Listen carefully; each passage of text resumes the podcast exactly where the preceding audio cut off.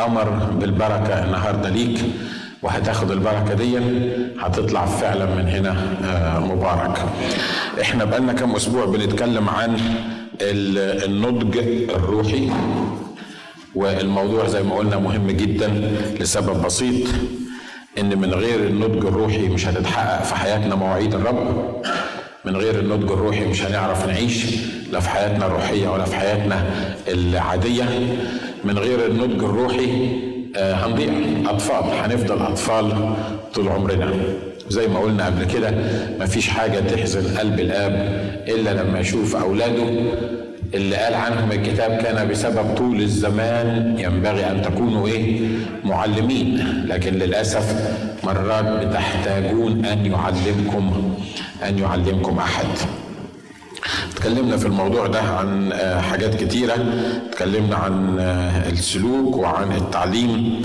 والمرة اللي فاتت كنا بنتكلم عن التعليم في حياتنا وقلنا إن الأطفال ما بيحبوش كتير إن هم يتعلموا لأن التعليم شوية بيتعب التعليم بيبقى عايز مجهود التعليم بيبقى عايز تركيز. فالأطفال مش عايزين يعملوا الحكاية دي.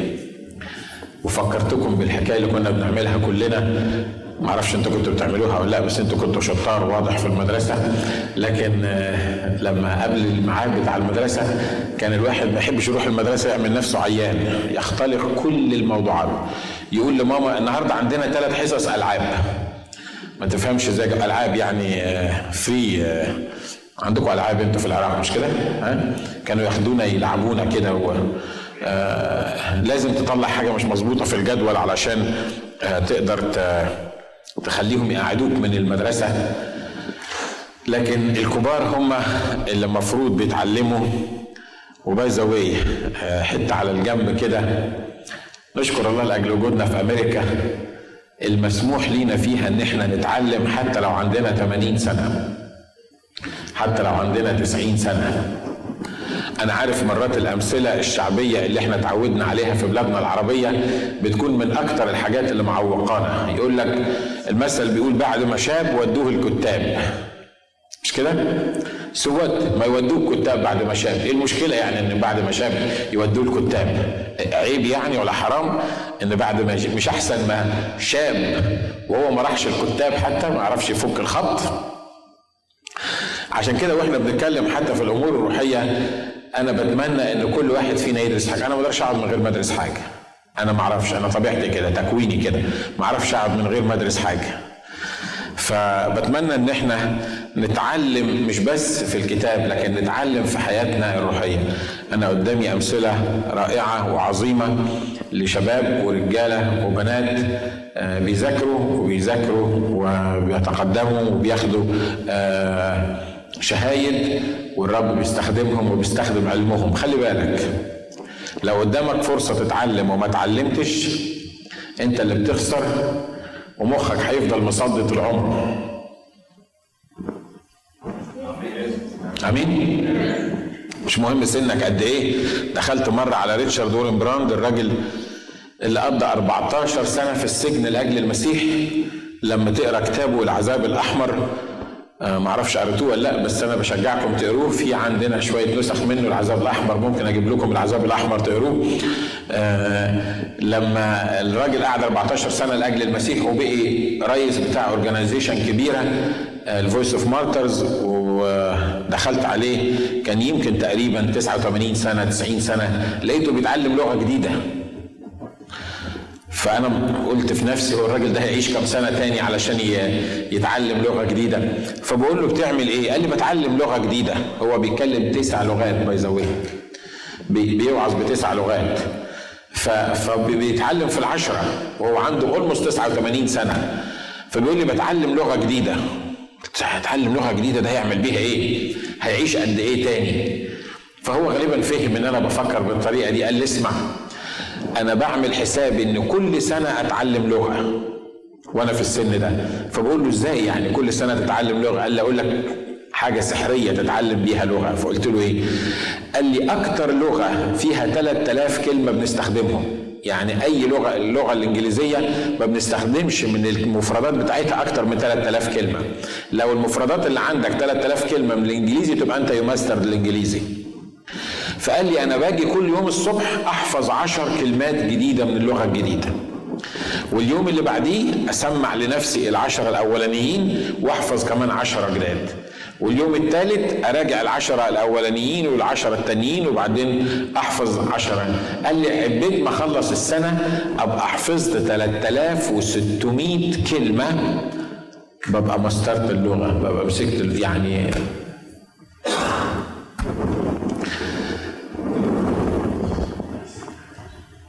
مالكم خير اللهم اجعله خير. نشكر الرب من أجله. ولسه يتعلم وعنده استعداد يتعلم كمان. مجدا للرب. مجدا للرب. مصادر التعليم اللي إحنا اتكلمنا عليها المرة اللي فاتت قلنا من مصادر التعليم إحنا بنتعلم من مرشدينا. من الناس اللي ربنا حطهم في الكنيسة علشان نتعلم منهم. وقلنا إن إحنا بنتعلم من كلمة الله. وقلنا إن إحنا بنتعلم من الظروف المحيطة. وقلنا يا بخت اللي يعرف يقرأ الظروف المحيطة بيه. لأن دي محتاجة فن قراية الظروف المحيطة بيك. معظمنا ما بياخدش باله هو ماشي في الظروف دي ليه؟ كانت ظروف حلوة ظروف وحشة آه أي حاجة بالنسبة له بتمشي الأمور بس لكن لما الرب بيدخلني في ظروف مش كويسة بيبقى عايز يقول لي حاجة. لما ظروفي تبقى كويسة يبقى الرب عايز يقول لي حاجة.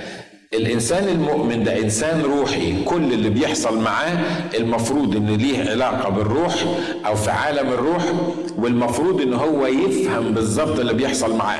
أنا بركز على النقطة دي لأنها نقطة مهمة جدا. For years and years and years سنوات وسنوات وسنوات بتحصل في حياتنا الحاجة وبناخدها كما لو كان التعليم الإسلامي بتاع القضاء والقدر. إنه كتبها عليهم كتابا موقوتا وجعلها في اعناقهم يعني اللي هيحصل معاك هيحصل معاك and you have no choice ما عندكش أي اختيار إنك أنت تفهم اللي بيحصل معاك. دي مش الطريقة المسيحية لأن إحنا لينا أب بيحب يعلمنا وبيحب يفهمنا وبيحب يرشدنا. أنا عارف إن يمكن البعض هو قاعد يقول لك هو فين ده؟ لا بيعلمني ولا بيرشدني ولا بي بيتكلم معايا. لكن الحقيقة إن هو عنده استعداد يعلمنا ويرشدنا ويفهمنا. لما إحنا نخضع إرادتنا ليه ونبقى فاهمين ونبقى عارفين الأمور اللي بتحصل معانا ونطلب تفسير روحي ليها. أمين؟ مفيش حاجة بتحصل معانا ابدا مجرد حاجة زمنية. مش ممكن. مفيش حاجة بتحصل معانا بالصدفة. مفيش موقف أنا بتحط بيه لقيت نفسي في الموقف ده مش عارف أطلع منه. لاني لو كان لو كنت أنا إنسان روحي ولي علاقة روحية بالرب لو عرفت أصرف وقت بس مع الرب في هدوء مش بزن وبتعب وب في هدوء مع الرب وبسأله الظرف اللي أنا بمر فيه ده أنت عايز تعلمني منه إيه؟ لو صرفت وقت مع الرب بالطريقة دي حتى لو الرب ما قالكش التفاصيل بتاعة الموقف اللي بتمر بيه لكن هيديك سلام عشان تعرف تعدي الموقف ده. آمين؟ كل خناقة في البيت ليها سبب. كل اختلاف في الشغل ليه سبب. كل حاجة حلوة بنحصل عليها ليها سبب روحي. كل أزمة بنمر بيها ليها سبب روحي. حد مقتنع باللي أنا بقوله؟ عشان كده لأن أنا إنسان روحي أنا مش هخلي الأمور تمشي زي ما اكون زي ما بنقول كده الأطرش في الزفه في, الدنيا اللي أنا عايش فيها. أنا مش هسيب الأمور تمشي معايا وخلاص وأنا مش دريان إيه اللي بيحصل بالظبط. لأن الرب بيبقى عايز يتكلم وعايز يرشد وعايز يعلم وعايز يفهم المواقف اللي إحنا بنمر فيها. ولو كنت أنا ابن لله وكان في علاقة حقيقية بيني وبين الرب يبقى أي موقف همر فيه ده ليه علاقة بكياني الروحي لأن في سبب بسيط. الكتاب في أفسس 2 10 بيقول الكلمات دي بيقول لأننا عمله وعمله دي كلمة عمله في الأصل اللغوي بتاعها لوحته الجميلة. عارف لما يبقى فنان كده بيرسم لوحة جميلة؟ كلمة عمله دي معناها إن إحنا اللوحة الجميلة الصورة الجميلة بتاعته. مخلوقين في المسيح يسوع لأعمال صالحة قد سبق الله فأعدها لكي ما إيه؟ ما نسلك فيها. فلو أنا بسلك في الأعمال الصالحة التي سبق فأعدها لكي ما أسلك فيها كل عمل صالح هو حطه حطه لسبب أمين؟ لما تتفرج على فنان بيرسم لوحة تبص تلاقيه كده في آخر اللوحة حاط لك خطين سود كده وانت لو واقف من وراه مش فاهم هو بيرسم إيه تقول إيه اللي بيحصل ده؟ ليه ليه الفنان ده عامل الغيمة البعيدة دي؟ يعني ليه هو عامل الحتة السوداء دي اللي موجودة في الصورة؟ شكل الصورة ملخبط شكل الصورة أنا مش فاهم بالظبط هو بيرسم إيه. لكن لما تبتدي تتحط الألوان جنب بعض والصورة جنب بعض والرسومات جنب بعض كل شوية في حياتنا بتبتدي تتضح الصورة اللي في ذهن الله اللي عايز يكلمنا عليها واللي عايز يعملها. عشان كده لو إحنا عمله مخلوقين في المسيح يسوع لو حد مصدق الكلام ده ان إحنا عمله مخلوقين في المسيح يسوع لأعمال صالحة قد سبق فأعدها لكي ما نسلك فيها يبقى كل عمل صالح أنا بعمله كل حاجة في حياتي ليها معنى وتفسير روحي. عشان كده مهم جدا ان إحنا نتعلم من الظروف الايه المحيطة بينا. اتكلمنا المرة اللي فاتت عن محتاجين نتعلم من أخطائنا لأن ياما ناس ما بتتعلمش من أخطائها. بيغلط في الغلط مرة واثنين وثلاثة كلنا بالمنظر ده. كلنا بالمنظر ده. ولما يحصل معانا الغلط ونقول يا رب خلاص إحنا اتعلمنا الدرس لكن بعد أسبوع بتعمل نفس الغلطة. وبنعمل كلنا بنعمل نفس الغلطة مرة تاني.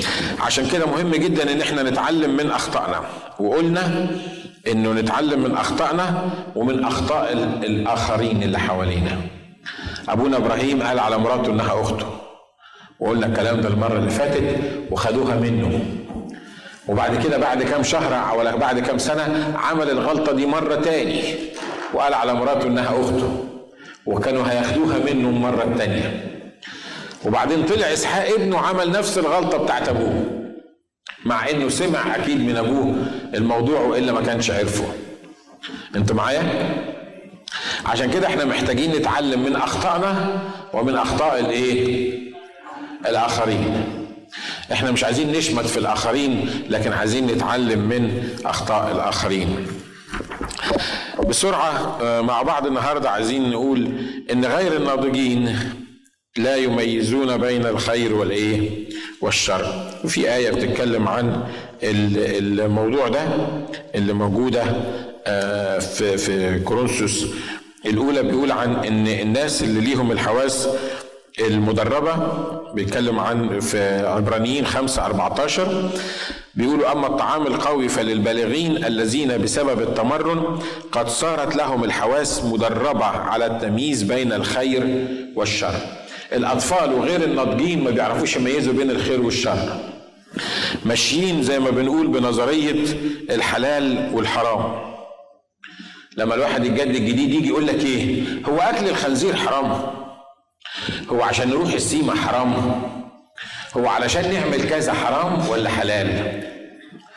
وهو مستنيك وعايزك تعمل إيه؟ عايزك تقول له إيه الحرام وإيه الحلال. تحط له جدول ده حرام وده حلال ده يتعمل وده ما يتعملش. وبيني وبينكم يعني الإنسان اللي بيسكن فيه الروح القدس بيبقى عارف الحلال من الحرام. صح؟ وكل حاجة بتسأل عليها حلال ولا حرام أنا بقول لك إنها حرام. ليه؟ لأن كون إن أنت متشكك فيها، كون إن أنت مش حاسس بارتياح جواك إن دي حاجة مظبوطة، فأنت كأنك بتتلكك، كأنك عايز عارف اللي عايز يتعلق في قشاية، فأنت عايزني أنا بس أحللها لك العملية دي. تقول لي ما كل الناس بيعملوا كده، لو قلت لك لا الموضوع ده حرام تقول لي ما كل الناس بيعملوا كده. ما كل الناس بيقولوا كده. اشمعنى أنا يعني؟ اشمعنى إحنا اللي هتضيقوها علينا وتقولوا لنا حلال وحرام؟ المسيحية ما فيهاش حلال وحرام يا جماعة. الحلال والحرام ده مبدأ إسلامي. إن في ممنوعات وفي صغائر وفي كبائر وفي حاجات محللة. مفيش حاجة اسمها حلال وحرام عندنا. بولس الرسول بيقول كل الأشياء تحل لي يعني إيه؟ يعني أنا من حقي أعمل كل حاجة صرف زي ما أنا عايز. لكن ليست كل الأشياء توافق وبيتكلم حتى عن الحاجات الصح اللي المفروض يعملها. كل الأشياء تحل لي لكن ليست كل الأشياء تبدي فعشان كده الفكرة المؤمنين مش لازم يبقى عندهم لستة حلال وحرام. أنا عارف إن دي سهلة. بالنسبة خصوصا للأطفال سهلة قوي إنك تجيني أكتب لك لستة ده حرام وده حلال وده حرام وده حلال وده حرام وده حلال. لو أنت مشيت بنظرية الحرام والحلال دي هتفضل طول عمرك طفل مش ممكن هتتقدم في الأيام. ليه؟ لأن الموضوع مش هكتب لك لستة تمشي عليها. الموضوع إن أنت الروح القدس اللي موجود فيك يكبرك ويعلمك بحيث إنك أنت ما تقعدش تبقى زي ما بيقولوا في حيص بيص كل ما تطلع لك حاجة أنت مش عارف دي حلال ولا حرام ماشية يمين ولا ماشية شمال لأ. الناس الناضجين الكبار الروح القدس فيهم بيرشدهم وبيعلمهم ويبقى الموضوع مش حلال ولا حرام الموضوع الله عايزني أعمل كده ولا ما أعملش. أديكم مثل بسيط. تفتكروا التبشير حلال ولا حرام؟ بنظرية الحلال والحرام. حلال. مش كده؟ طبعا. تبشير. الكتاب قال اذهبوا إلى العالم أجمع وكرزوا بالإنجيل للخليقة كلها. بولس الرسول بكل عظمته الروحية اللي كان موجود فيها مرة قرر إنه يروح يخدم في حتة معينة. هيروح يبشر ما فيش أي غلط في الموضوع ده. راح الروح القدس قال له لا ما تروحش. المكان اللي انت بتتكلم عنه ده ما تروحوش. إيه رأيكم لو الرسول بولس قال الله ما روحوش ليه؟ مش أنا رايح أبشر؟ ومش هو الرب قال لنا اذهبوا للخليقة كلها واكرزوا بالإنجيل؟ طب أنا إيه اللي يمنعني إن أنا أروح المكان ده؟ لا أنا لازم أروح أبشر. والكتاب قال كده اذهبوا للعالم أجمع واكرزوا بالإنجيل فأنا هروح أبشر. لو راح بولس الرسول يبشر. برضه تطبيقا لنظرية الحلال والحرام يبقى حلال ولا حرام؟ يبقى حرام أنتوا مش معايا؟ أنتوا معايا؟ الله هو التبشير حرام لا التبشير في حد ذاته مش حرام لكن الفكرة هي الموضوع أصلا إن الرب قال ما تروحش البلد دي ما دام الرب قال ما تروحش البلد دي يبقى ما روحش البلد دي يبقى لو رحت أصلا علشان أبشر في البلد دي تتحسب لي خطية ليه؟ لأني هبقى معاند صوت الرب لأني هبقى ضد خطة الرب مع إن التبشير محدش يقدر يقول عليه إن هو حرام. واضح المثل اللي أنا بقوله ده؟ عشان كده الأطفال دايما عايزين واحد يكتب لهم حلال وحرام، دي حلال ودي حرام، ودي حلال ودي حرام، ودي حلال ودي حرام. وده اللي حصل في الناموس مع الفريسيين والكتبة. حطوا قوانين إزاي تمشي عليها اليهود وخصوصا في حفظ وصية يوم السبت. يقول لك حرام إنك تمشي خمسين متر.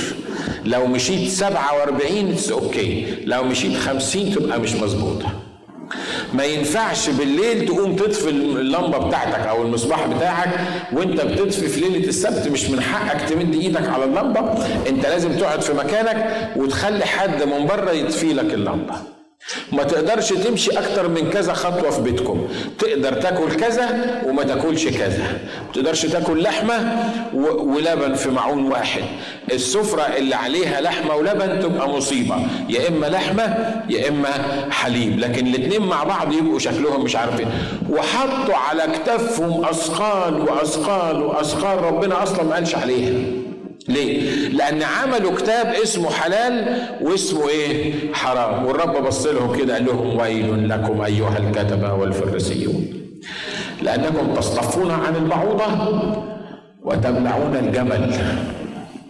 تحللوا اللي عايزين تحللوه وتحرموا اللي عايزين تحرموه والشعب المسكين اللي ماشي الأطفال اللي عمالين يسمعوكم عمالين تقولوا لهم اعملوا كذا وما تعملوش كذا مش قصدي أتكلم على حد. لألا تلطش الحكاية دي في حد. لكن لسه إحنا في الكنيسة بنعمل كده مش بس في اليهود. يقول لك الصيام الكبير مش عارف كم يوم 55 باين. الصيام الصغير 45 في الصيام الكبير تاكل بيض ما تاكلش سمك. ما أعرفش أنا أنا مش بقول قوانين أنا أنا مش عارف حتى النظام بس أنا بتكلم. تاكل بيض ما تاكلش سمك. تاكل في ده تاكل كذا وفي ده ما تاكلش كذا. ولما تفطر تفطر بزيت. ولما ما تفطرش تعمل مش عارف مين. وده حرام وده حلال. وتلاقينا إحنا الشعب المساكين اللي ماشيين ورا الناس اللي حطوا لنا القوانين دي بقينا مش عارفين نعمل إيه. أحكي لكم نقطة بالمناسبة عشان أنا حاسس إن أنتوا مش مجمعين معايا كتير. بيقولوا إنه في واحد زمان واحد راهب في الصيام الكبير كان نفسه ياكل بيضة بيضة بالعراق. عايز ياكل بيضة فمش عارف يعمل إيه مش قادر ياكلها قدام المسؤول في الدير. فراح جاب البيضة وحط مسمارين كده وحط تحتيها شمعة. وقعد يلف في المسمارين كده بكل دقة عشان البيضة ما تقعش عشان إيه؟ يسويها.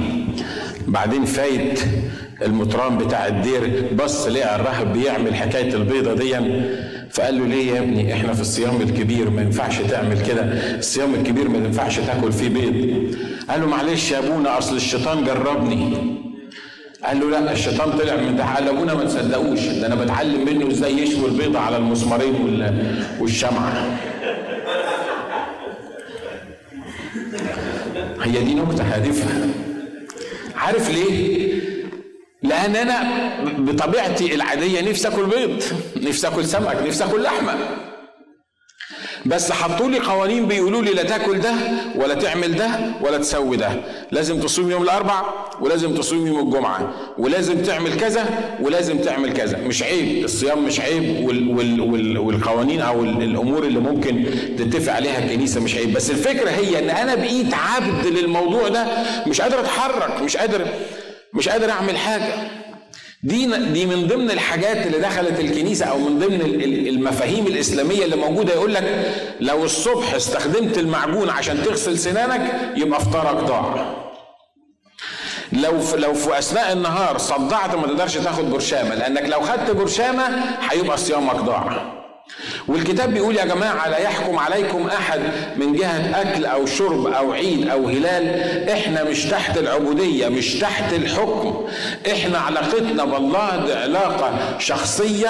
إحنا في علاقة بيننا وبين الله. الموضوع مش ما تعملش وما تسويش. الموضوع إن محبة الله اللي بتحصرني اللي موجودة جوايا هي اللي بتفهمني آكل إمتى أو ما أكلش إمتى أصوم ولا ما أصومش أصوم بزيت ولا ما ولا ما أصومش بزيت. الموضوع أنا ما بقتش عليا فرض غصب عن عيني أعمله لكن دي محبة للرب ومهم جدا إن إحنا نصوم ومهم جدا إن إحنا ندي وقت للرب. واخد بالك من الفرق بين الاثنين ها؟ الأطفال بيعملوا إيه؟ يقول لك ريح دماغي. أنا ريح دماغي. أنت قول لي على الحلال وعلى الحرام وأنا همشي عليه. اللي هتقول لي عليه أنا همشي عليه. تقول لي ده حرام مش هعمله تقول لي ده حلال هعمله. لا لو كان الموضوع بالطريقة دي تفضل طول عمرك طفل مش ممكن تكبر. لكن لو انت ابتديت تفهم ان في علاقة شخصية بينك وبين الله هو ساعتها هيفهمك اللي تعمله واللي ما تعملوش. فزي ما اتفقنا ان الاطفال بيتطلعون دائما لشخص يضع لهم قوانين وفرائض ليتبعوها. الاطفال دايما بيدوروا على شخص يرموا عليه اللوم. إحنا بنتكلم عن مظاهر الطفولة الروحية. الأطفال دايما يعملوا الحكاية دي. لما ابنك يعمل غلطة وتيجي تقول له عملت كده ليه؟ تفتكر هيقول لك إيه؟ أصل فلان خلاني عملت كذا. مش كده؟ سبت النور ده ليه والع؟ يقول لك أنا مش عارف آخر واحد طلع من الأوضة دي مين. مين اللي ساب النور ده والع؟ تيمي يقول لك أندي. واندي يقول لي أنا ما جيتش هنا ده تيمي هما الاثنين ليه؟ لأن محدش عايز يعترف إنه غلط. الرب راح للحي لآدم وقال له آدم هل أكلت من الشجرة التي قلت لك لا تأكل منها؟ رد عليه قال له إيه؟ أنا؟ لا المراه التي أعطيتني. عايز يقول له أنت السبب مش أنت اللي جبتها لي؟ الست اللي أنت عطتهاني هي اللي خلتني كلت. طب ما هي الست اللي هو عطاها لك ده انت كنت مستمتع بيها. وشفتها ست جميلة وعملت يعني خلاص دلوقتي لما غلطت بقيت هي الست اللي خلتك كلت لما راح للست وبيسألها بيقول لها عملت إيه؟ قالت له لا مش أنا ده الحيه غرتني فأكلت. كل واحد بيرمي على التاني أنت واخد بالك؟ الأطفال كل واحد بيرمي إيه؟ على التاني. الأطفال لما تغلط وتروح تعتذر للرب أنت مش عايز تقول له إن أنا غلطت؟ تقول له يا رب بس أنت عارف الظروف. يا رب أنت عارف أنا اتحطيت في الموقف ده. أنا بتكلم عن نفسي وعن أي حد. يا رب أنا لا دي طفولة. دي طفولة. إحنا محتاج أنا محتاج أكبر. أنت محتاج تكبر. أنت محتاجة تكبر. ليه؟ عشان لما أقف قدام الرب عملت غلطة له اسمع. أنا لا هلوم حد تاني ولا برمي بالمسؤولية على حد تاني. اللي غلطت مرات من الطفولة بنغلط وبننسى إن إحنا غلطنا. داود بعد ما قتل الراجل وعمل المشكلة بتاعته الرب بعت له نسان النبي يفهمه يقول له يقول له واحد كان عنده معزاية واحدة واللي جنبه عنده حاجات كتيرة وجاله ضيف تصور الغني خد المعزاية بتاعت الراجل الفقير وذبحها وداود النبي بص قال له حي هو الرب الذي فعل مثل هذا في إسرائيل. يقتل ويرد أربع أضعاف ولا خمس أضعاف لأنه فعل قباحة في إسرائيل. والنبي بص في وشه كده قال له أنت هو الرجل أنا بتكلم عنك أنا مش بتكلم عن اللي جنبك. لأن الأطفال زي ما بنقولوا حتى لما بتوعظ لما بتسمع الوعظة واحدة قاعدة تقول يا ريت جوزي كان هنا كان سمع اللي بيقوله القسيس كان ربنا صلح من حاله.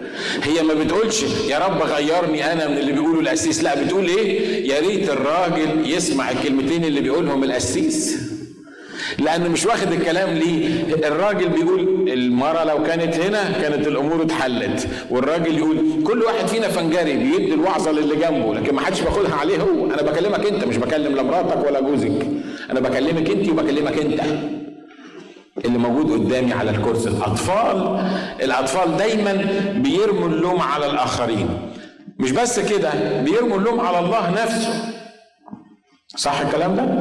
ها؟ مرات كتيرة إحنا اللي نعمل الغلط وإحنا اللي نقع في الخطية أو إحنا اللي نعمل المشكلة. وبعد ما نعمل المشكلة روح لربنا أقول له أنت سبتني ليه؟ أنت خليتني ليه أمر بالظرف ده؟ طب ما أنت اللي عملت كده مش أنا. أنا ما قلتلكش اعمل كده. أنت اللي عملت كده. أنت ليه حطيتني في الخسارة الكبيرة دي؟ حطيتك في الخسارة الكبيرة لأن مخك أصلا مش نظيف وجاب لك الكافية اللي أنت موجود فيها. أنا ما عملتلكش خسارة. أنت اللي عملت خسارة لنفسك. لكن بنقف قدام الرب وبنشتكي ويعني لو طولناها هنعمل خناقة معاه ليه؟ أطفال. ها؟ أطفال. ما حدش بيقول أخطأت. ما حدش بيقول أخطأت. ما حدش بيقول أنا غلطت.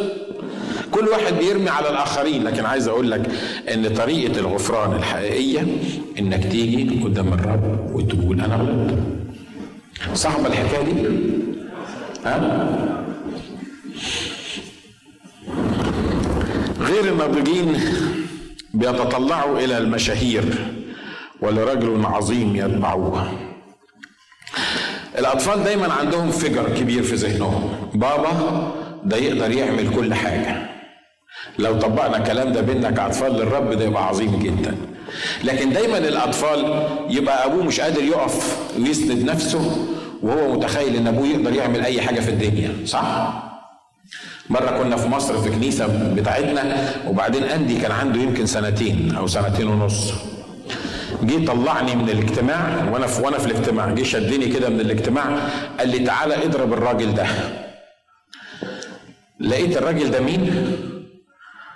عسكري بوليس واقف بره واقف بره الكنيسة فهو داخل غالبا بص له بصة ما عجبتوش ولا حاجة فهو في ذهنه إن بابا يقدر يطلع يضرب العسكري بتاع البوليس. ما هو بابا يقدر يعمل أي حاجة. فجاي شددني من الاجتماع من نص الاجتماع تعالى اضرب الراجل ده. فأنا طلعت عشان أضرب الراجل ده وأنا أشوف إيه اللي حصل معاه لقيت نفسي قدام عسكري البوليس. وعسكري البوليس في مصر ما يتضربش أو في أي حتة يعني ما يتضربش مش كده؟ بس هو قال لي تعالى اضرب الراجل ده. لو أنا ما ضربتش الراجل ده تبقى في مشكلة معاه. يبقى بابا مش قادر يعمل الحكاية دي. فأنا بصيت للراجل قلت له أنت مالك ومال الولد ده؟ يعني مشيت الأمور عشان ما نعملش مشكلة كبيرة. بس الفكرة هي إيه؟ لو الصغير دون فاهم إن في حد يتضرب وحد ما يتضربش لو الصغير دون فاهم الأمور ماشية إزاي هو مش هيجي يعمل معايا كده ويحطني في الموقف ده لأن أنا كنت في موقف لا احسد عليه. لو ما ضربتش الواد الكبير هأثر في الصغير. وأنا مش قادر أضرب الكبير فأنا محطوط في موقف عايز أبين للصغير إن بابا عندي ثقتك فيه يقدر يعمل أي حاجة وفي الوقت نفسه مش قادر أضرب العسكري. اللي موجود؟ أنت فاهم أنا عايز أقول إيه؟ ها؟ فالأطفال دايما بيعملوا إيه؟ عايزين واحد كبير يتعلقوا فيه. ببساطة كده عايزين واحد كبير يرضعه. يفضل يرضع فيه. وأنا اكتشفت حقائق عجيبة في حكاية الرضاعة دي بعد ما اتكلمت عن الأطفال والمامية. اسمها مامية مش كده؟ صح؟ آه. اكتشفت إن في ناس كانت بترضع لسن ست سنين وفي ناس كانت بترضع لسن سبع سنين وثمان سنين. وفي حد كان بيروح المدرسة يحضر الدراسة وياخد نص ساعة إجازة عشان يروح يرضع من ماما ويرجع تاني يروح آه ده أنا اكتشفت حاجات عجيبة جدا بعد الخدمة بتاعت المامية دي. صدقوني بقول لكم دي حاجات دي حاجات حقيقية موجودة. عشان كده الأطفال دايما عايزين يتعلقوا بحد. الكلام ده روحي. في كورنثوس الأولى بولس بيقول لهم بولس الرسول بيقول لهم أنا بصراحة مش قادر أكلمكم كناس ناضجين كبار. ليه؟ لأن واحد فيكم بيقول أنا لبولس واحد بيقول أنا لأبولس واحد بيقول أنا لصفا. الكنيسة انقسمت. جه بولس يوعظ فناس قالوا ده جميل قوي بولس ده ده بيوعظ. إحنا بتوع بولس.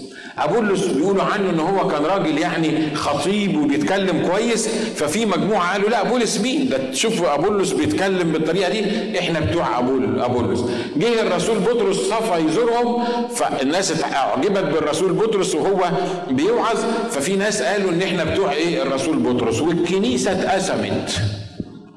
دول بتوع الرسول بولس ودول بتوع الرسول بطرس ودول بتوع الرسول أبولس وكل واحد فيهم وناس قالوا لا بصراحة إحنا لا بولس ولا أبولس ولا غيره إحنا بتوع المسيح. دي كنيسه إيه دي؟ كنيسة أطفال. يجي واحد يقول لي اسمع. Anyway الكلام ده هيلطش في حد بس أنا مش قصدي يعني. يقول لي اسمع لما تمشي اوعى تجيب لنا الأخ فلان ده. ليه؟ أصل الأخ فلان ده إحنا مش مستفيدين منه حاجة تاني. واحد تاني يقول لي ده إحنا انبسطنا جدا بالأخ فلان اللي وعظ الأسبوع اللي فات. أنتوا اتبسطتوا ولا ما انبسطتوش واحد تاني يقول لي شوف هات أي حد إلا الأخ فلان ده. واحد تاني يقول لي على نفس الأخ فلان ده هاته. ابقى أنا واقف أقول أجيبه ولا ما أجيبوش؟ ناس بيقولوا انبسطنا وناس بيقولوا ما انبسطناش. ليه؟ لأن الواحد جاي مركز على فلان.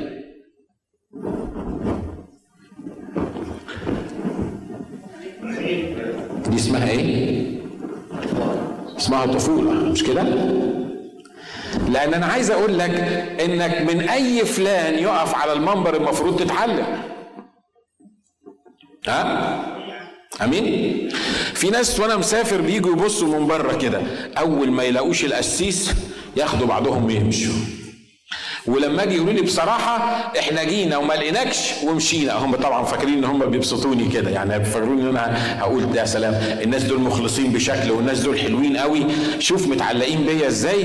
يعني لما ما لقونيش خدوا بعضهم وإيه؟ خدوا بعضهم ومشوا. أنت عارف إنك بتحزني لما تقول لي كده؟ عارف ليه؟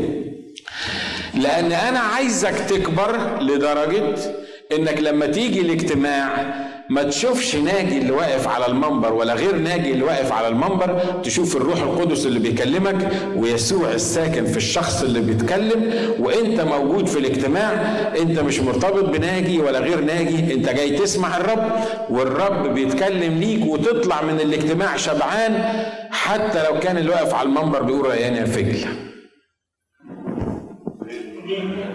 كلام صعب النهارده؟ ها؟ كلام صعب النهارده إحنا كل واحد فينا بيفضل خدام معين أنا بفضل خدام معين أنا في ناس ما أقدرش أسمعهم. لكن خلي بالك ما أقدرش أجي الاجتماع أنا لأن القسيس اسمه ناجي. ولو ناجي مش موجود تبقى مصيبة. يا ما وقعت في الغلطة دي ناجي اللي بيكلمك. أنا كان عندي قسيس رائع جدا في مصر. كان اليوم اللي يغيب فيه القسيس بتاعنا يبقى يوم أسود. يعني نيجي من بره أنا بقول لكم على اللي أنا كنت بعمله يمكن بعضكم بيعمل كده. كنا نيجي نشوف الكنيسة كده أول ما مع إن الاسيس بتاعنا كان قصير قوي كده. أول ما نلاقيهوش على المنبر ولا قاعد من كده هناخد بعدنا ونمشي. مش مهم مين اللي هيوعظ. مش مهم اللي جاي ضيف ولا مش ضيف ولا حاجات من كده ليه؟ لأن إحنا تعودنا إحنا استمخينا بالقسيس بتاعنا وبقي القسيس بتاعنا هو اللي إحنا عايزين نسمعه وهو اللي إحنا أنا عارف إن من حقك وشيء طبيعي إنك أنت إن إحنا نبقى موجودين مع بعض وتسمعني وأنا أسمعك ونبقى فرحانين ببعض لكن كون إن إحنا نوصل لدرجة إن القسيس لو واقف مش على المنبر أنا هاخد بعضي وأمشي هنا يبقى فيه مشكلة روحية عند الشخص ده. حد زعلان من اللي أنا بقوله؟ ها؟ أنا مش بدور عليا. ما لو كان كده أنا مش هقول لك الكلام ده عشان ما تخليش بالك منه. لكن أنا عايزك تيجي يوم الحد الصبح زي الرجاله الكبار زي الناس الناضجين. أنت وأنت بتلبس الحد الصبح أنت مش جاي تسمع ناجي لكن وأنت بتلبس الحد الصبح أنت جاي تتقابل مع الرب. ولو انت جاي تتقابل مع الرب أي واحد هيقف على المنبر ويتكلم أو يرنم انت هتتقابل مع الرب. والرب لا يمكن يطلعك فاضي. ليه؟ لأنك انت جاي تتقابل مع الرب. لكن لو انت جاي تتقابل مع ناجي أو غير ناجي تأكد إن ده هيعمل لك مشكلة روحية في حياتك. الأطفال دايما غير الناضجين بيطلعوا الواحد من المشاهير. أنا لبولس وأنا لأبولس. بيقول لهم لو واحد فيكم بيقول أنا لبولس وأنا لأبولس ألستم بعد جسديين وتسلكون حسب الجسد؟ والكتاب بيقول لهم هنا لأنكم إذ كان ينبغي أن تكونوا معلمين لسبب طول الزمان تحتاجون أن يعلمكم أحد ما هي أركان بداءة أقوال الله. وصرتم محتاجين إلى اللبن لا إلى الطعام الإيه؟ القوي. وفي عبرانيين 5 13 بيقول لأن كل من يتناول اللبن هو عديم الخبرة في كلام البر لأنه طفل. وفي 5 14 بيقولوا أما الطعام القوي فللبالغين الذين بسبب التمرن قد صارت لهم الحواس مدربة على التمييز بين الإيه؟ الخير والشر.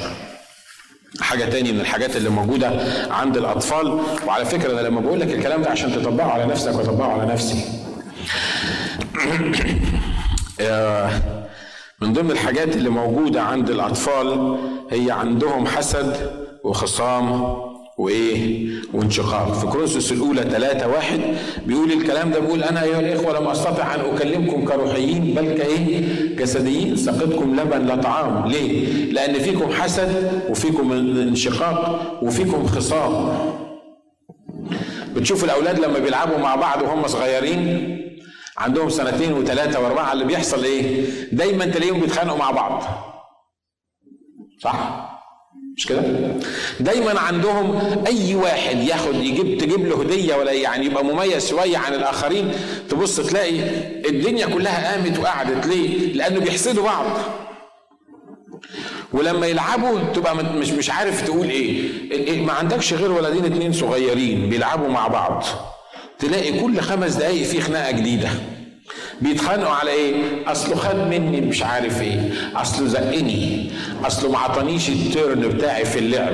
اللي فيكم عنده أولاد وعنده بلاي ستيشن آه بيجرب الحكاية دي. لما يقعدوا هما الاثنين قدام البلاي ستيشن تلاقي الصغير عمال يزن وعمال يتنطط. ليه؟ أصله ما عطانيش ال turn بتاعي. حد جرب الحاجات دي في بيتهم؟ ها؟ مش كده برضو؟ وتبص تلاقي يا ولد ادى أخوك يلعب. بعد شوية بعد خمس دقايق تبص تلاقي المشكلة حصلت تاني بعد خمس دقايق. والكبير يقول لك أصله عمال يلعب بقاله ساعة وده يقول لك أصله عمال يلعب بقاله عشر دقايق. وانت عايز تطلعهم من نافوخك مش قادر. ليه؟ أصل عيال. عيال قاعدين مع بعض. خلي بالكم في مؤمنين أطفال بنفس الطريقة في الكنيسة. لو واحد قام قال اختباره تبص تلاقي التاني راح قايم. مألف اختبار وقاله لك. طب الراجل الأولاني عنده اختبار يقوله. يعني بيقول اختبار لكن التاني يقول لك هو أحسن مني؟ اشمعنى هو اللي بيقول اختبار؟ اشمعنى كل مرة بنقول حد عنده اختبار عن عنده اختبار أحسن مني؟ ما أنا كمان عندي اختبارات. واحدة طالعه تلاقي التانية تقول لك طب ما أنا أقف كمان أقول اختبار. ما أقولش ليه اختبار؟ بقيت العملية مش فاض قلبي بكلام صالح. الفكرة هي إيه؟ أطفال كل واحد ماسك لعبة عايز يعملها الأطفال من المؤمنين بيدوروا على مشكلة يعملوها لبعض صح؟ مش كده؟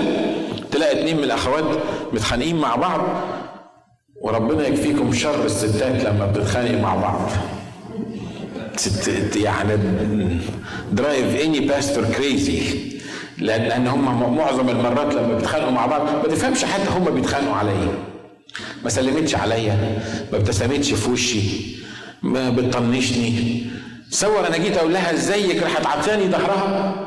وأنا طبعا ال ال ال ال القسيس المسكين اللي لازم على التليفون أسمع القصة لغاية الآخر. فلانة دي أنا مش ممكن أتعامل معاها. أنا ما جيتش الكنيسة آخر ثلاث أسابيع عشان فلانة جيت أقول لها صباح الخير وأنا داخلة وما عملتلهاش حاجة راحت عطتني ظهرها. ومطلوب مني بقى ألف لها وشها عشان تقول لها صباح الخير وأحل المشكلة اللي موجودة دي. لو أنت قسيس مرات تشد في شعرك. وخصوصا لو عندك شوية أطفال. حد زعلان من اللي أنا بقوله؟ ها؟ مع إن الكتاب بيقول مش لو ما صبحتش عليكي لو اعطيتك ظهرها الكتاب بيقول إن أخطأ إليك أخوك اعمل إيه؟ ما تقولوا معايا. إن أخطأ إليك أخوك اذهب واعمل إيه؟ وعاتبه. روح قول له يا أخويا أنا أنت عملت فيا كده ليه؟ يقول لك طب ما أصل أنا عارفه لو رحت مش هيسمع لي. برضه الكتاب كان واخد باله من الحكاية دي وقال لو ما سمعلكش تعمل إيه؟ تروح تجيب اتنين من الكنيسة تقول لهم يا إخوة أنا بحب أخويا وأخويا أخطأ في حقي فأنا عايز أصلح الموضوع اللي بيني وبينه. ممكن يا أخ فلان ويا اخت فلانة ممكن تيجوا معايا نكلم الراجل ده؟ الكلام ده مكتوب عشان نعيشه. الكلام ده مكتوب عشان نعمله. مش مكتوب عشان بس نستمتع بيه لكن الفكرة هي مش إن أخطأ إليك أخوك اذهب وعاتبه الفكرة إن أنا جاي أصلا قرفان من أخويا ومش عايز أكلمه وصدقت ما قلت لها صباح الخير وهي عطتني قفاها ظهرها يعني فبالتالي أنا خلاص. دي مش ممكن أكلمها مش ممكن أتعامل معاها. دي اسمها إيه دي؟ اسمها إيه؟ إيه رأيكم في ناس زي كده؟ ربنا يأتمنهم ويبعت لهم ناس جداد في الكنيسة؟ ها؟ صدقوني ربنا يبقى غلطان لو عمل كده حاشا لله يعني. ليه؟ لأنه لأنه لو جاب ناس جداد في الكنيسة ولقي الأخ فلان متخانق مع الأخ فلان والأخت فلانة مبوزة في وش الأخت فلانة تكون النتيجة إن الأطفال دول يموتوا أو يمشوا من الكنيسة. علشان كده مرات كتيرة ما بنقدرش نجيب الناس اللي إحنا عايزين نجيبهم في الكنيسة إلا لما يبقى عندنا ناس يعني ناضجين يعرفوا يرعوهم. لو انت أصلا مش عارف ترعى نفسك هترعى الآخرين إزاي؟ لو انت أصلا مش ناضج إزاي هترعى الآخرين؟ آمين. آمين. بيقول لك فيهم حسد وخصام وانشقاق وتحزب. كل واحد عايز يبقى الريس كل واحد عايز يبقى الكبير ودي موجودة على فكرة في كنايس كتيرة. ديوتريفوس الذي يحب أن أو يريد أن يكون الإيه؟ الأول. لا يقبلنا ويمنع الإخوة كمان إن هم يقبلونا. إحنا محتاجين إن إحنا نتعلم إزاي ننضج. إزاي نكبر. إزاي الله يقدر يأتمنا على الأمور دي. أنا هاخد بس 7 minutes أقول لكم مقدمة للنقطة اللي بعد كده وأنا سميتها أمراض عدم النضوج. عدم النضوج ده مرض مش كده؟ أنت معايا؟ الطفل الصغير ده المفروض إن هو بينضج وبيكبر. لو الطفل ما كبرش يبقى في مرض معين مخليه مش قادر يكبر صح؟ ها؟ عشان كده اللي إحنا بنقوله ده لازم يطبق علينا لازم نفكر فيه. يا ترى أنا لو مش بنضج لو مش بكبر أنا مش بكبر ليه؟ لازم يبقى عندي مرض. أنا مش هتكلم بالتفصيل عن الموضوع ده لأنه موضوع طويل وفي أمراض كتيرة هنتكلم عليها في الأسابيع اللي جاية. لكن عايز أقول لك إن في مرض مهم جدا ده أخطر مرض ممكن المؤمن يقابله وهو في حياة الطفولة بتاعت الإيمان. ده أخطر من السرطان وأخطر من الإيدز وأخطر من ال HIV وال hepatitis C ولا في ولا B أخطر من أي حاجة تعرف سمعت عنها في حياتك. وده اسمه مرض التدين. اسمه مرض إيه؟ ومرض التدين ده فيه جرثومة جرثومة كده موجودة اسمها روح التدين. في حاجة اسمها روح التدين. ده أخطر مرض ممكن يصيب المؤمنين الأحداث. وجرثومة التدين دي حتى من قبل ما تعرف الرب يسوع مخلص شخص لحياتك وهي بتحاول تشتغل في حياتك عشان ما تعرفوش. لكن لما تعرف الرب يسوع مخلص شخص لحياتك جرثومة التدين دي بتبقى عايزة تعيش فيك علشان ترجعك للقديم عشان تفضل طول عمرك متخلف. الجماعة اللي عرفوا المسيح مخلص شخص لحياتهم من اليهود. بعد ما أمنوا بالمسيح وقبلوا المسيح وعرفوا المسيح جه روح التدين ده قال لهم إيه؟ قال لهم تفتكروا ببساطة كده الجماعة الأمم دول اليهود كانوا بيعتبروا الأمم كلاب مش أنا اللي بقول الكلام ده لكن ده ده اليهود هم اللي بيقولوا الكلام ده. كانوا بيعتبرونا إحنا الأمم كلاب. فما كانش أصلا يعني يعني ممكن تتعامل مع الكلاب دول. فاكرين الست لما جت الفينيقيه بتطلب من الرب إن هو يشفي بنتها؟ رد عليها قال لها إيه؟ قال لها ليس جيدا أن يؤخذ خبز البنين ويطرح لإيه؟ أنا عارف إن دلوقتي إبليس يقول لك معقول يسوع قال كده. يسوع قال عننا إن إحنا كلاب. لا يسوع ما كانش بيحط ال statement إنه موافق عليها. لا ده كان عايز يقول للناس اللي واقفين حواليها دي حتة بس على الجنب عشان تفهمها. كان عايز يقول للناس اللي حواليها هو كان عارف إنه هيعمل المعجزة مع الست دي ولا لأ؟ كان عارف مش كده؟ لكن كان عايز يفهم اللي حواليها إن الست دي بتاعت الأمم اللي أنتوا بتقولوا عليهم كلاب. مع إني أنا جيت لبيت إسرائيل الخراف إسرائيل الضالة لكن أنا حشفي بنتها علشان الإيمان بتاعها. عايز يقول لليهود اللي حواليها إن أنتوا اللي بتقولوا عليهم كلاب دول هم اللي أنا هعمل معاهم المعجزات اللي هم بيصدقوني وبيؤمنوا بيا. آمين؟ لكن اليهود حصل لهم إيه؟ بما فيهم الرسول بطرس. الرسول بطرس الرب وراله بعت له ناس يقولوا له تعالى لكرنيليوس الرسول بطرس بيقول أنا الرسول بطرس اليهودي أروح أخش بيت الأممي اللي اسمه كرنيليوس ما ينفعش ولا أقدر آكل معاهم. ليه؟ لأن اليهود ما كانوش بياكلوا مع الأمم لئلا يتنجسوا. كانوا فاهمين إن هم هيتنجسوا. وخلت الله وراله رؤية مخصوصة إن ملاية نازلة من السماء فيها كل الدواب وفيها كل الزحفات فيها الحيوانات النجسة. وربنا بيتكلم معاه بيقول له إيه؟ قم يا بطرس اذبح وكل. فبطرس رد عليه قال له إيه؟ قال له مش ممكن يا رب أنا أنا أذبح وأكل من من الحاجات النجسة دي أنا لم يدخل فمي قط نجس ولا دنس أنا ما أقدرش أعمل الحكاية دي. فالرب قال له ما طهره الله لا تنجسه إيه؟ لا تنجسه أنت. بعد شوية الرسول بطرس فتح عينيه قال إيه اللي أنا شايفه ده؟ وبعدين غفي تاني كده وقع في غيبوبة لقى الملاية نازلة مرة تاني. بيقول له قوم يا بطرس اذبح وإيه؟ اذبح وكل. قال له أنا يا رب أنا هعمل الحكاية دي.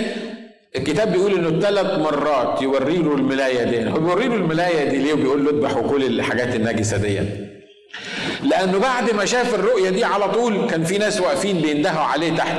هو الرسول بطرس موجود عندكم؟ آه. قالوا له كرنيليوس راجل طيب وراجل من الأمم عايزك تيجي تكلمه. فالروح القدس قال له إيه؟ قوم يا بطرس اذبح وكل. روح خد بقى أنت تتكلم مع كرنيليوس كرنيليوس لما لما راح ايمين بطرس لما راح عند كرنيليوس قال لهم أنتوا عارفين إنه محرم على رجل يهودي إنه يجي عند الأمم ولا يأكل معاهم ولا يتعامل معاهم. لكن الله وراني رؤية إني لا أقول عن شيء نجس ولا إيه ولا دنس. الموضوع ده بيعمله مين؟ الموضوع ده بيعمله روح التدين. الإخوة المؤمنين من اليهود باعتين جوابات لكل الدنيا للكنايس يقولوا لهم إيه؟ اللي عايز يعرف المسيح من الأمم الأول يبقى يهودي وبعدين يبقى مسيحي. ليه؟ هي ببساطة كده يبقى مسيحي على طول؟ لا، الأول لازم يبقى يهودي وبعدين يبقى إيه؟ وبعدين يبقى مسيحي، ده اسمه روح إيه؟ جرثومة التدين. جرثومة التدين، إحنا الطائفة المظبوطة. والتاني يقول لا إحنا الطائفه المظبوطة والتالت يقول إحنا الطائفه المظبوطة. ده اسمه إيه؟ ده اسمه تدين مش كده؟ عند ربنا ما فيش طوائف. تفتكروا الطائفه عند ربنا إيه؟ الطائفه المعتمدة عند ربنا إيه؟ تعرفها؟ ها؟ الدين المعتمد عند ربنا إيه؟ كل واحد فينا بيحاول ال ال ال الظروف اللي عاش فيها يطبقها على الآخرين. ليه؟ إحنا الكنيسة الأم. وإحنا نقول أنتوا فاهمين حاجة. ده إحنا الكنيسة اللي فاهمة. والتاني يقول لك لا أنتوا ولا هم فاهمين. إحنا الكنيسة اللي المفروض كنا من الأول وللآخر وحاجات. وابتدينا نعمل إيه؟ يبقى في في فساطنا حسد وخصام وانشقاق. مين هو الأعظم؟ مين الطائفه الأحسن؟ مين القسيس الحلو؟ مين اللي مش عارف. دي عبارة دي اسمها إيه دي؟ دي اسمها طفولة إيه طفولة روحية لكن عند الرب بيقول كده أن في كل أمة الذي يتقيه ويصنع البر مقبول إيه؟ مقبول عنده. حتى في الأمة الإسلامية حتى في الأمة الإسلامية. اللي يعرفوا الرب يسوع المسيح مخلص شخصي لحياته صدقني لو واحد اسمه محمد ولا اسمه أحمد ولا اسمه مصطفى وعرف المسيح مخلص شخص لحياته حتى لو ما أعلنش إنه بقي مسيحي لكن ده بقي من عائلة الله وده يتقي الله وده هيروح السماء. آمين. معظم الناس اللي بيجوا من الإسلام إحنا بنقول له تعمل حاجتين. لازم تتعمد ولازم تقول قدام كل الناس إنك مسيحي.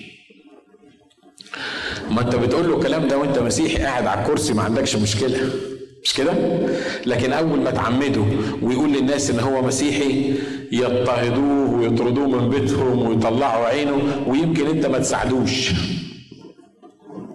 بس انت ال religious spirit اللي جواك أو الروح التدين اللي جواك يقول لك مش الكتاب بيقول من ينكرني قدام الناس انكره قدام أبي الذي في السماوات؟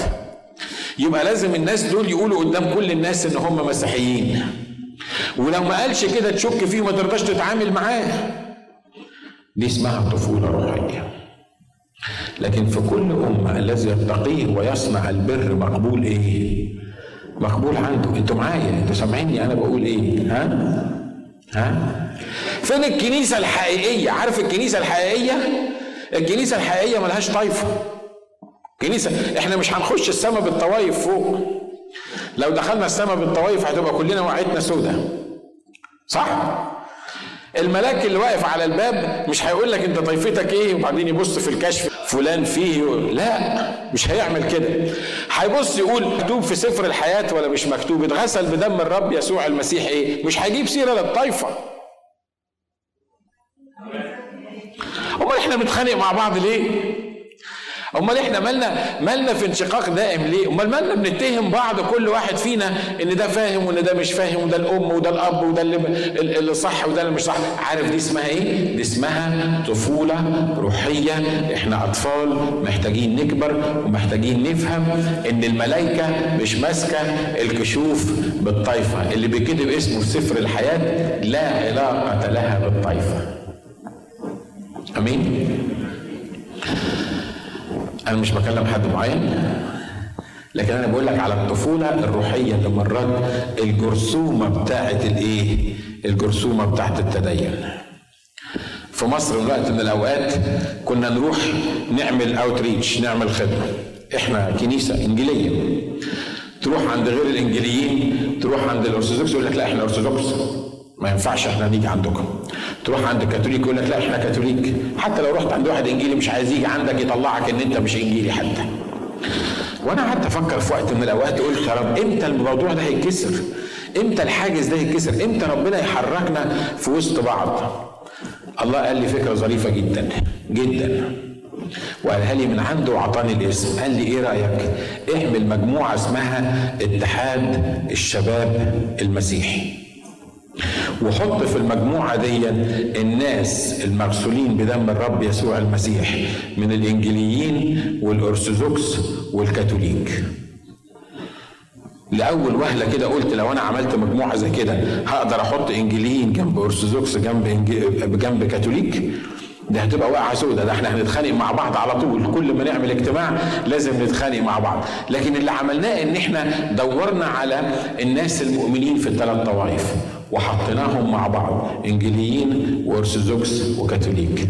عايز أقول لكم كمية النفوس اللي الرب عطاها لنا ملهاش أول من آخر لأن الفكرة هي إيه؟ كنا بنطلع مجموعة اتحاد الشباب المسيحي.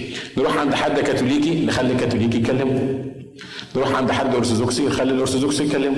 نروح عند حد إنجيلي يخلي الإنجيلي يكلمه.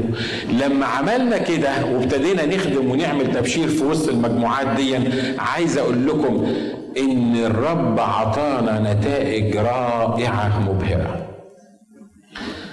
إمتى الرب عطانا النتائج دي؟ لما كبرنا وفهمنا إن أنا مش بجر الناس لكنيستي. آمين. مرة جه واحد قال لي قال لي في كنيسة جنبينا هي كنيسة مش إنجيلية.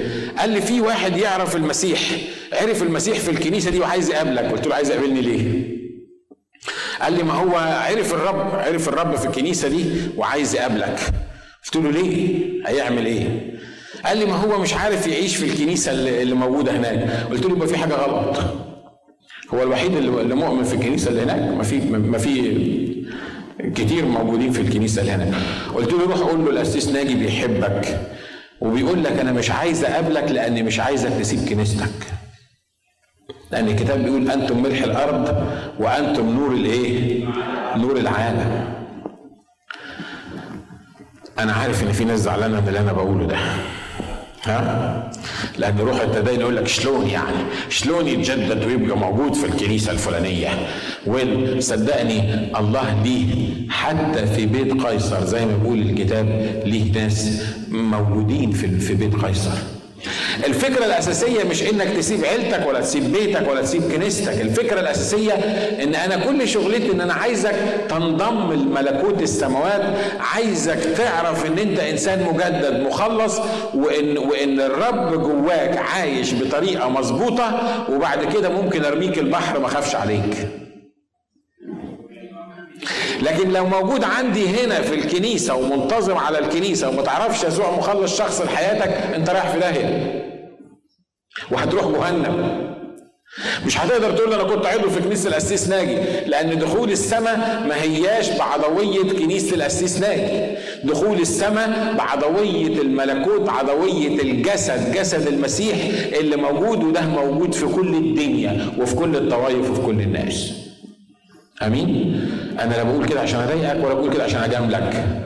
لأن ما يهمنيش ان اضايقك وما يهمنيش ان أنا اجاملك لكن أنا بتكلم عن النضوج الروحي. لما نوصل لمستوى نفهم ان العلاقة الشخصية بالرب يسوع هي أساس النضوج الروحي وإن لو ليا علاقة شخصية وبكبر أنا الرب هيقول لي أكون موجود فين وبعمل إيه وبسوي إيه. آمين؟ ها؟ عشان كده مهم جدا إن إحنا ننظر. الفيروس ده أو الجرثومه دي اسمها روح التدين. وخلي بالكم إن كلمة تدين بتفرق عن كلمة إن الشخص يبقى روحي. المتدينين دول اللي يعرفوا الدين. ما كانش في حد متدين أكتر من من الكتبه والفريسيين مش كده؟ كتبوا والفريسيين أكتر ناس متدينين. ولما تشوفهم هم بيكتبوا الكتاب المقدس ولا بيحفظوه حافظين الكتاب المقدس بالأرقام بتاعته بالعدد ماشيين تمام التمام. الرب يسوع وقف في وسطهم قال لهم إيه؟ قال لهم ويل لكم أيها الكتبة والفريسيون يا رب بتقول للكتبة والفريسيين زي ما يقف كده قدام مجمع أسس أو كهنة آه خدام الرب ويقول لهم ويل لكم أيها الكهنة والقصوص والإنجيليين وغير الإنجيليين. تقول له يا رب معقولة؟ بتقول للمسؤولين كده؟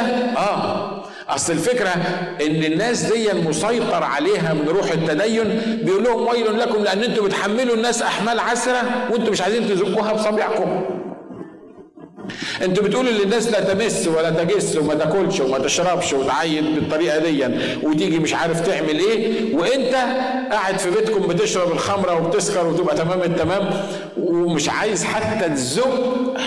الحمل اللي انت حطيته على الناس دي عشان كده خير لكم لو طوق عنقهم بحجر رحى وألقوا في إيه؟ في البحر. يا جماعة الرب عايزنا نبقى ناضجين وزي ما بقول مش عيب إنك أنت بيبي. كلنا في بداية حياتنا بينا بيبي. بس العيب إنك تفضل متخلف وتبقى طفل معوق مش قادر تنمو ومش قادر تنضج ودي هتعمل مشكلة روحية. أمين؟